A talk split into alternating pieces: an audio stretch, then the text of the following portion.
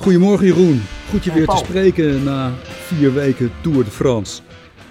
Heb jij dat ook wel eens gehad, dat jij dacht een prijs gewonnen te hebben, je handen de lucht instak, je van binnen volledig vervuld voelde van blijdschap en dat toen bleek dat het niet zo was?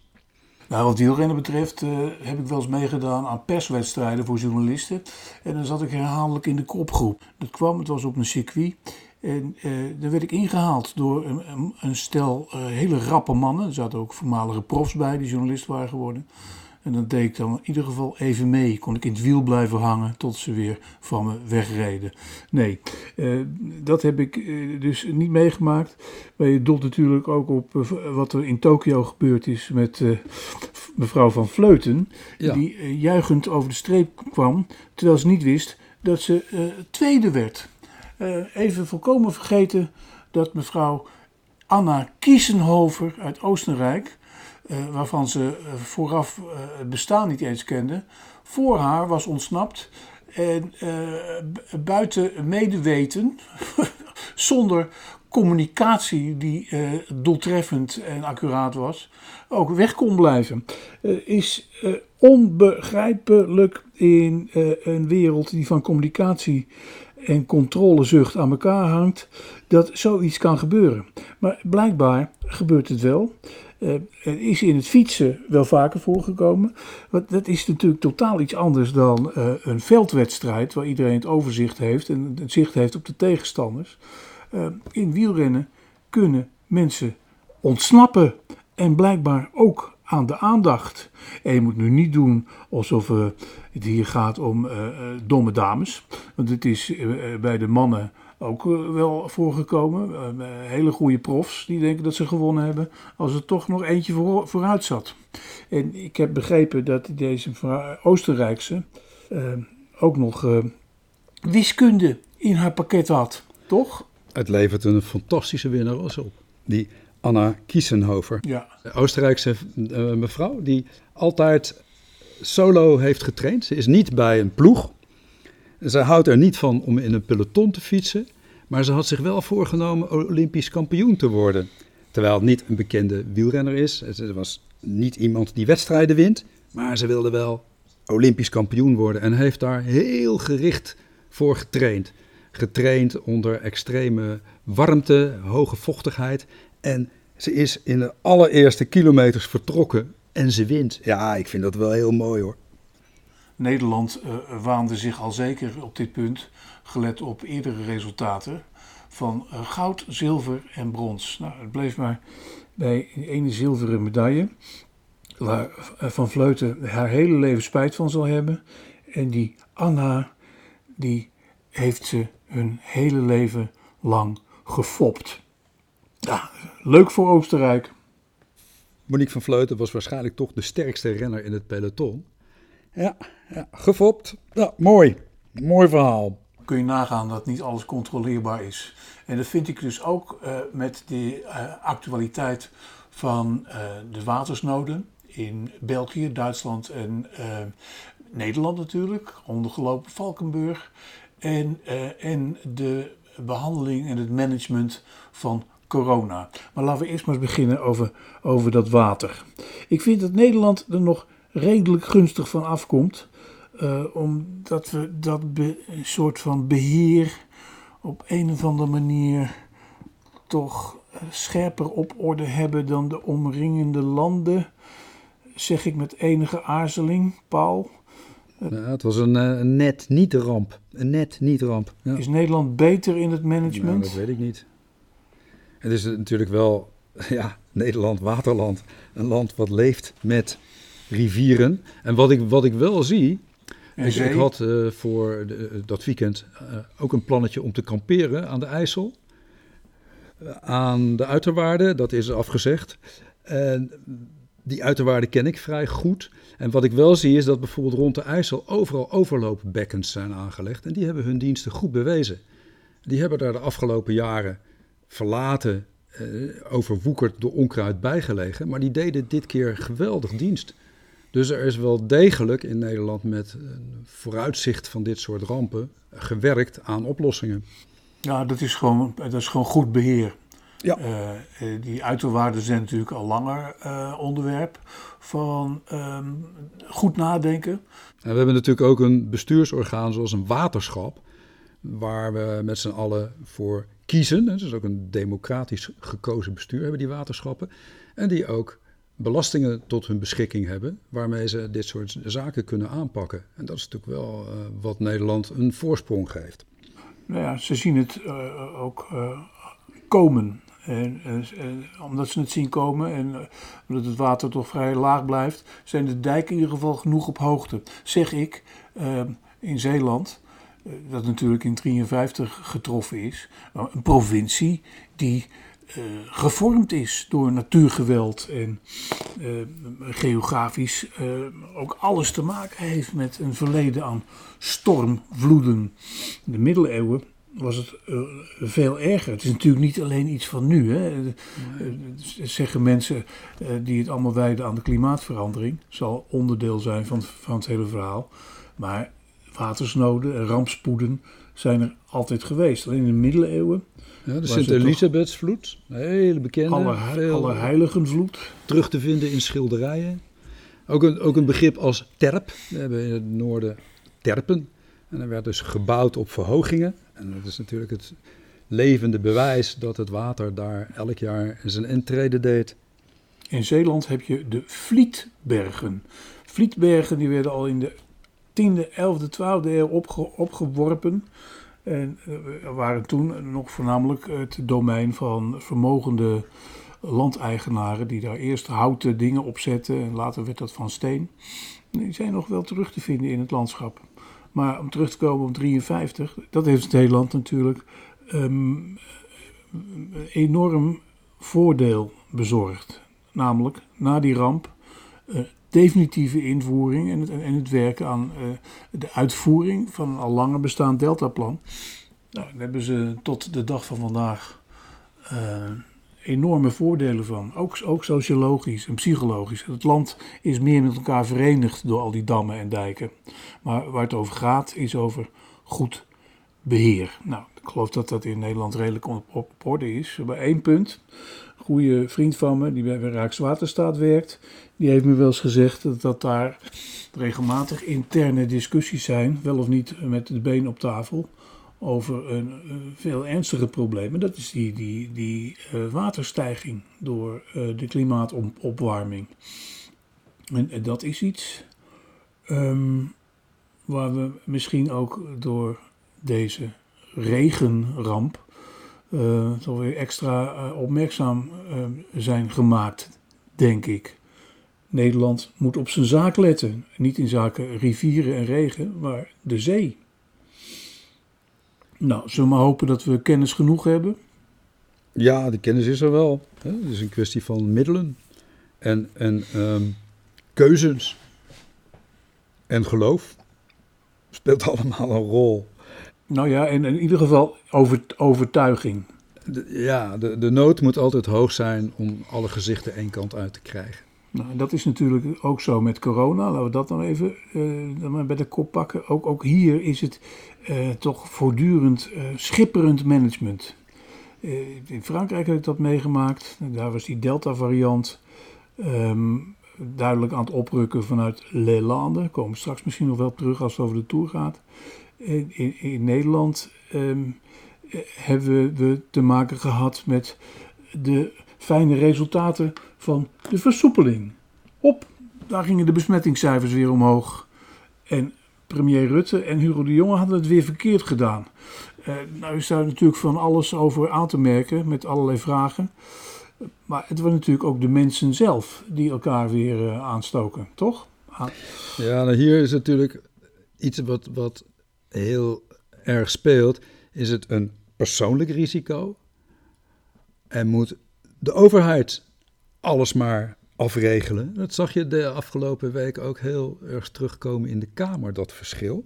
Je had aan de ene kant mevrouw Simons van Bijeen, die vond dat de regering de coronacrisis veel beter had moeten controleren. Mensen veel beter had moeten beschermen tegen dat virus. Dus nog strengere maatregelen, denk ik dan.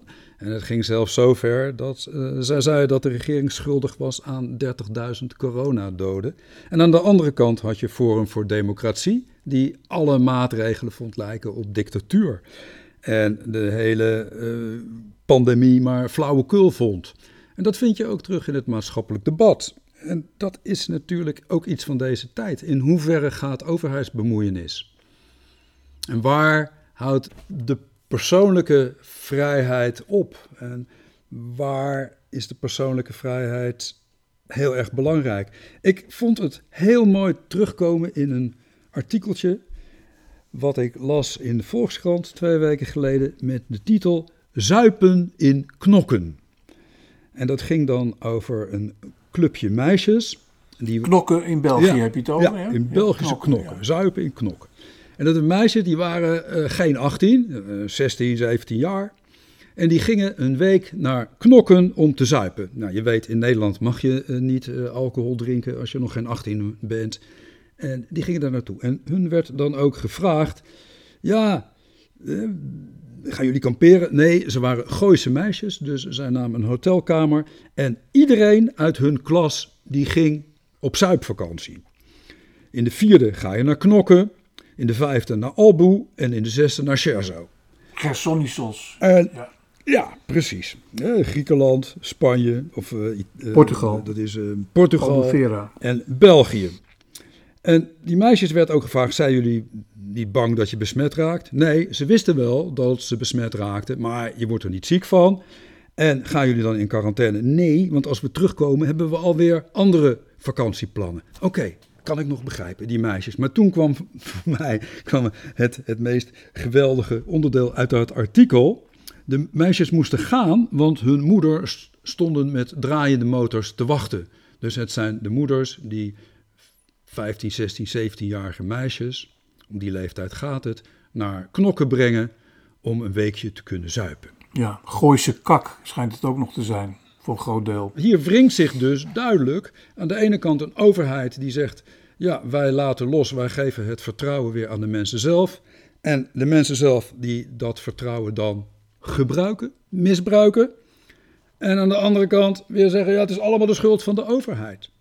Het is een Vreselijk dilemma. De overheid, die in Frankrijk, nog erger dan in Nederland, uh, verweten wordt uh, het coronavirus te misbruiken om een soort dictatuur in te stellen. Nou, dat zien we in Nederland ook, hè? mensen nou, die dat denken. Verdenk ik daar, verdenk ik daar Macron niet van.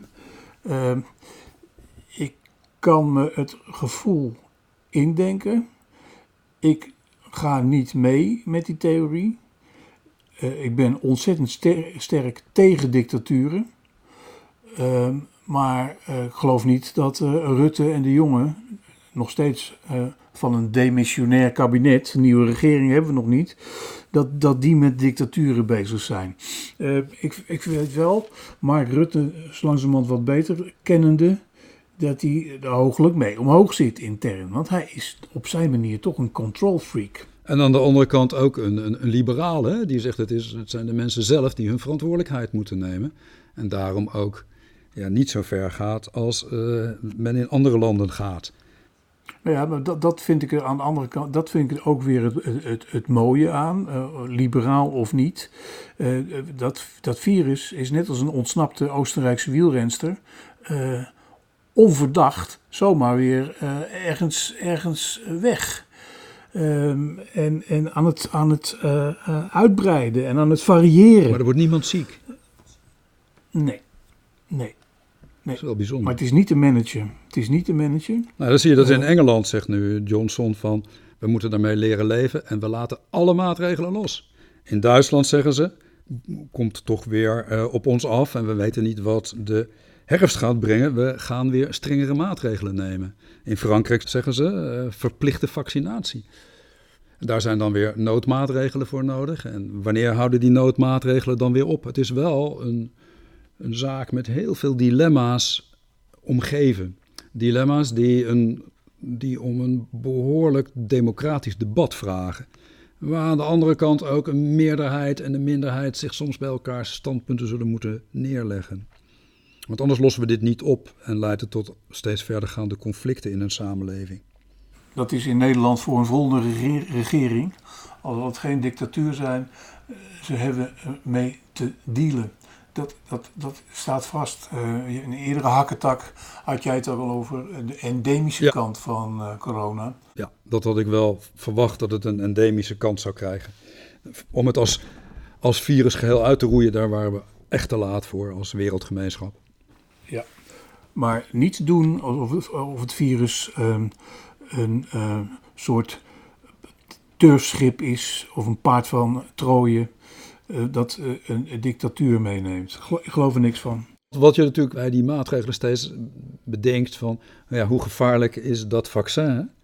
Ik heb me laten vaccineren, ik heb er niks van gemerkt. Ik voel me beschermd. Ik denk prima. Maar ik ken in mijn omgeving genoeg mensen die doodsbang zijn voor dat vaccin. En daardoor ook tegen die maatregelen van de verplichting. En die, die angsten die zijn te herleiden tot heel veel verschillende gedachten. Angst uh, dat in dit geval uh, de raad geeft oppassend te zijn voor een regering. Ja. Uh, de regeringen die hebben allemaal ook hun handen in het haar. En het, misschien is de grootste ellende achter de rug, maar in ieder geval, wat ik al zei, ook een volgende regering zal er mee te maken hebben. Uh, wat mij, een ander punt, over management gesproken, natuurlijk ook wel bezig heeft gehouden, is de tragiek, het geval Peter R. Vries. Hele rijen mensen voor Carré om uh, hem een laatste eerbewijs uh, te brengen. Uh, het viel mij op, en dat vond ik er bemoedigend aan, hoeveel verschillende mensen dat waren. Uh, Nederland, dat dus in discussie is, in rep en roer over de maatregelen, de regering, blijkt hier eensgezind achter die ene man in die kist te staan. En dat, dat vond ik toch wel mooi. Mensen van heel verschillende pluimage. Nou, dat is een man met ook echte persoonlijke eigenschappen die aanspreken. Uh, een man met een grote integriteit. Een man die voor anderen klaarstaat. Die, die, waar mensen op kunnen rekenen. En een moedig man.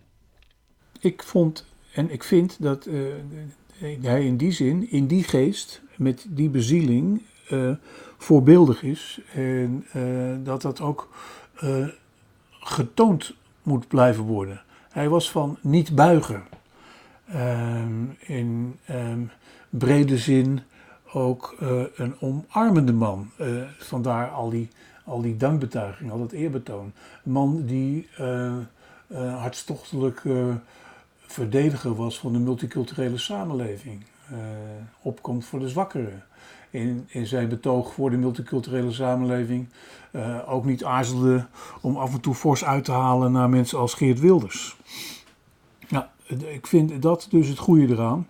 Al had ik uh, wel zo mijn bedenking bij uh, die heldenverering. Ik vond het in het verleden toch al wel dubieus dat hij uh, zulke warme contacten had in de misdaadwereld. Al is dat natuurlijk onvermijdelijk als je over misdaad schrijft. Als je over boeven schrijft, heb je ook contact met boeven als jij een integer mens bent, een echt integer mens, dan kun je misschien zaken wel scheiden. En ik denk dat hij het bewijst dat dat kan. En misschien heeft hij zich wel in zijn vertrouwen op zijn eigen kracht wat vergist in, in de veranderingen binnen dat milieu. Hij was iemand die omging met criminelen en hen misschien wel op hun woord heeft vertrouwd. En ik heb wel eens begrepen dat, dat onder de, het, het, het, Amsterdamse woord penose van vroeger ook terecht was dat je elkaar tot op zekere hoogte kon vertrouwen. Elke crimineel wist, Peter R. de Vries is iemand die opkomt voor uh, rechtvaardigheid, die opkomt voor recht, die een journalist is, een misdaadjournalist, die dingen wil onthullen. En elke crimineel wist dat je in zijn omgeving voorzichtig moest zijn. En misschien ook wel eens iets moest lekken en Peter R. de Vries was dan degene die daar op een journalistiek juiste manier mee moest omgaan. En misschien heeft hij dat juist wel heel goed gedaan. Maar nu, ja, hij wordt uh, neergeschoten door een, een, een, een, een joch voor een handvol zilverlingen die hem niet eens persoonlijk kent, die hij nooit iets heeft misdaan. Ja, dat is eigenlijk een hele andere wereld geworden, een verschrikkelijke wereld. Ja, ja hij ehm, heeft het aan de ene kant voorvoeld en heeft aan de andere kant blijkbaar toch in een waan van onkwetsbaarheid geleefd. Uh, ik herinner me nu ineens hoe ik hem uh, daar aan de middenweg in 2004 in een uh, kille herfstmiddag zag aankomen lopen bij de begrafenis en de uitvaart van Theo van Gogh. Theo van Gogh, die zelf had gezegd dat hij eigenlijk toch maar een nar was die ze niet zouden doodschieten. Nou, dat was twee jaar na de moord op Fortuin. Uh, het is ook nog zoiets, in dit geval weer niet zo dat het onschuldige Nederland is getroffen. Ik vond het ook een beetje overdreven om te spreken over een rechtsstaat die op deze manier zwaar was beschoten.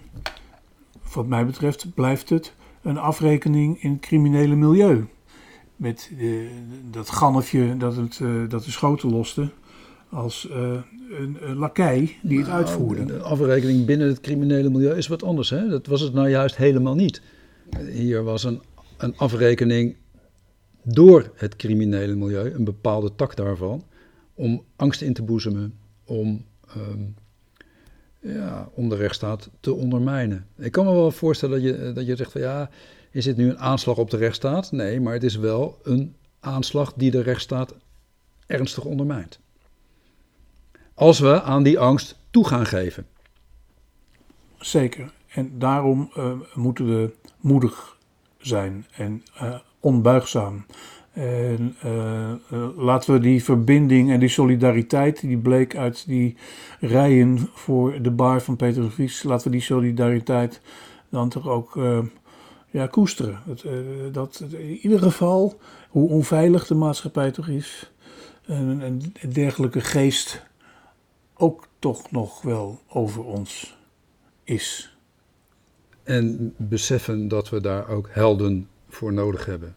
Ja, en we zijn gewaarschuwd.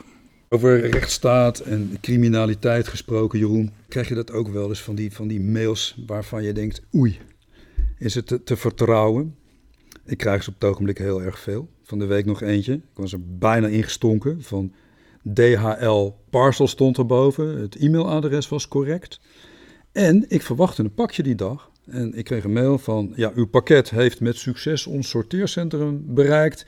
We kunnen het nog niet bezorgen, want niet alle kosten voor verzending zijn betaald.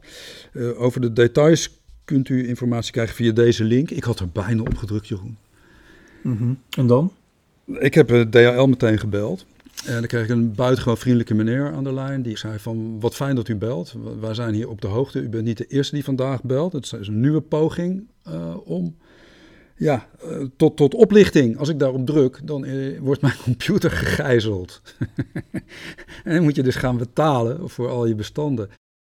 Jij was in Frankrijk, ik weet niet of je het hebt meegekregen, maar is voor miljarden wereldwijd is er, zijn er computers geblokkeerd die alleen vrijgegeven konden worden door te betalen. Nou, we hebben deze week hadden wij gehad dat de banken een tijd niet bereikbaar waren. We hebben um, in, in Frankrijk een, een grote hek gehad van allerlei bedrijven en instellingen. De GGD was twee dagen plat. Ik maak me wel zorgen hierover. Te meer omdat je steeds meer van die verplichtingen krijgt om dingen via internet te regelen. Ik heb inmiddels meer dan 100, 100 wachtwoorden. En uh, nu, nu weer, deze week moest ik een gezondheidsportal invullen, wat ik ook niet heb gedaan. Je, je, je, belastingdienst, alles loopt via portals en weet ik wat allemaal. En het blijkt allemaal zo kwetsbaar te zijn. En ik verbaas me er dan over dat er nauwelijks iemand voor wordt opgepakt. Je ziet nu wel internationaal, hè, Macron, die verwijst naar China en China ernstig aanspreekt, omdat er blijkt dat die, die laatste hacks gepleegd zouden zijn door een aan China gelieerde organisatie. Je hebt uh, Biden gehad, die dat ook deed, die ook daarover met Poetin heeft gesproken, over internetterreur. Maar die, al die kleine crimineeltjes, die kunnen allemaal hun gang gaan. En wat dat betreft had ik een hele leuke deze week. Ja, het is misschien uh, onterecht hoor, de, de, de link die ik leg. Maar er waren gegevens gelekt binnen het ministerie van Veiligheid en Justitie. En het ging daar om de e-mailadressen en eventueel wat andere gegevens van, schrik niet, 66.000 ambtenaren verbonden aan dat ministerie. Toen dacht ik, 66.000 ambtenaren op het ministerie van Justitie en Veiligheid en nog zoveel criminaliteit. Mm. Grote zorg voor Grapperhaus. Is in, ieder geval uh, wel gebeurd. Uh, ik vind het vreselijk voor die ambtenaren, maar ook voor, voor mensen zoals jij, die er blijkbaar toch dan uh, van dit soort stiekeme insluipers in de mail uh, moeten pareren. ja, ik krijg tientallen van dat ja, soort het is, het is net als met, met, met watersnoden en met virussen. Ehm, computervirussen waren natuurlijk ouder dan corona. Het, het geeft ook maar weer aan wat de grens is van de beheersbaarheid en het management over dit soort dingen. Ja. Ja, maar het maakt ons zo kwetsbaar. Ook kwetsbaar als land. Wat gebeurt er als straks de hele elektriciteit op een gegeven moment wordt platgelegd? Of noem alles maar op. En het verbaast me dat er zo weinig prioriteit is in de, in de opsporing. Hoeveel mensen hebben we nodig? Hoeveel ambtenaren hebben we nodig om dit probleem te gaan oplossen? Hoeveel mensen hebben we nodig om onze criminaliteit aan te pakken? Hoeveel geld is daarvoor nodig? En moeten we daar al of niet meer prioriteit aan geven? Ik vind wel een onderwerp voor de nieuwe regering. Zo is het. Want de regering, ik vind een overheid, is er vooral ook voor de veiligheid van de burger. En waar de veiligheid niet meer gegarandeerd is, hmm, hebben we toch problemen, denk ik. En dan kun je van alles willen als overheid en alles van alles en nog wat regelen. Maar veiligheid vind ik toch wel een eerste taak voor ja, een overheid. Natuurlijk. Ik zie, ik zie ook wel een nieuwe Bondfilm aankomen met, met hackers. Ergens onder een vreemde berg. Uh, wat die berg betreft, uh, denk ik, um, wat mij betreft, uh, ons laatste thema aan die, aan die berg die voortdurend in beeld is bij de Olympische uitzendingen van de NOS. die berg Fuji, geloof ik, in Japan. Uh, het zijn uh, de Angry Games, hè, de boze spelen, zoals dat in de New York Times stond, geloof ik. Het zijn ook een beetje de kale spelen. Uh, allemaal natuurlijk genoodzaakt door het virus. in Japan zijn de mensen absoluut niet blij. althans, niet iedereen, maar bepaalde bewoners zijn sterk tegen die spelen. Het heeft heel veel geld gekost. Ja, het heeft heel veel geld gekost, dus het moest ook wel doorgaan. Dat vind ik, om op de Tour terug te komen, toch wel een contrast. Want die Tour is vorig jaar een, een mirakels voorbeeld geweest van een wereldevenement dat toch doorging, ondanks corona. Ik was daarbij. Uh, ik heb al die maatregelen gezien. Ik heb ook gezien hoe Frankrijk blij de deur uitkwam. Zonder dat er Noren, Belgen of Nederlandse supporters uh, langs de kant stonden. Dat was nu weer allemaal wel het geval. Uh, het was toch wel weer in juli het zomerfeest van de Fransen. En uh, ze demonstreerden niet tegen een dictatuur van Macron. Nee, uh, ze stonden langs de weg met borden voor Alaphilippe en voor Guillaume Martin. En ze waren blij dat het gewoon allemaal weer kon. En dat vind ik het, het aan, aan, aan Tokio. Ja, aan de ene kant uh, wel natuurlijk. Aan de andere kant is zo'n Olympisch evenement er natuurlijk vooral ook voor de sporters. Hè? Kijken nu het wielrennen, het voetbal, dat, dat zien we, daar hebben we onze helden van. Die mensen kunnen elke week wel op een podium presteren. Maar er zijn natuurlijk ook boogschieters en, en zwemmers en uh, roeiers en zeilers die in dit geval zelfs vijf jaar hebben getraind om het op te nemen tegen tegenstanders die net zo hard hebben getraind en hun vaardigheden wel eens willen laten zien. En dan hebben we ze toch een wereldwijd publiek, een televisiepubliek weliswaar, maar ze kunnen laten zien hoe goed ze zijn. En wat dat betreft, joh, ik keek gisteren eventjes naar het boogschieten. Dat heb ik eigenlijk nog nooit gezien. En dan zie je iemand dat waren de eerste beelden die ik kreeg. Die zie je heel nauwkeurig mikken, pijl afschieten. En die komt dan midden in de roos. En later zie je dan het beeld van een grote afstand. En dan zie je die pijl, die gaat dan eerst omhoog. En die maakt dan zo'n grote boog, die gaat dan naar beneden. En die komt dan precies in zo'n roos terecht. In dat middenpunt van zo'n schijf. Ik vind het ongelooflijk knap. En ook wel leuk om te zien. En ik had het wel heel triest gevonden als die mevrouw is dan tweede geworden met haar partner. Als die deze prestatie, waar vijf jaar lang zo hard voor getraind is, niet hadden kunnen verrichten.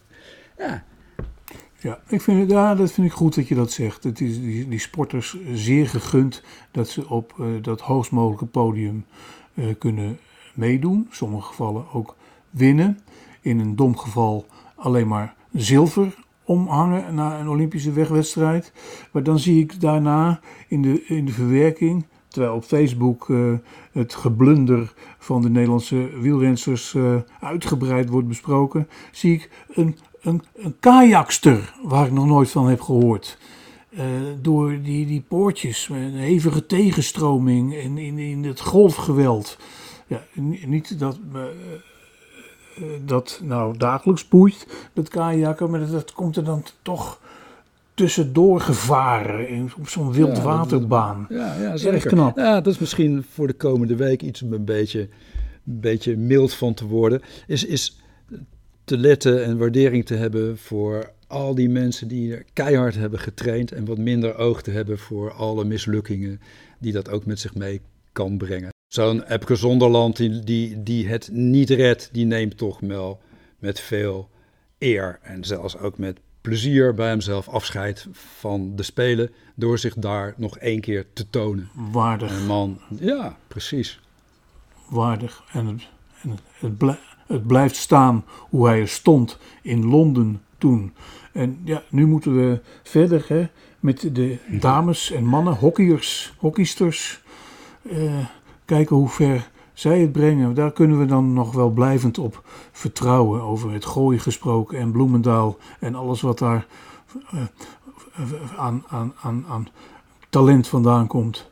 Dat toch zij onze medaillespiegel op dat peil mooie houden. Dat Nederland, Nederland toch ook een woordje mee blijft spreken. Volgende week. Hoi.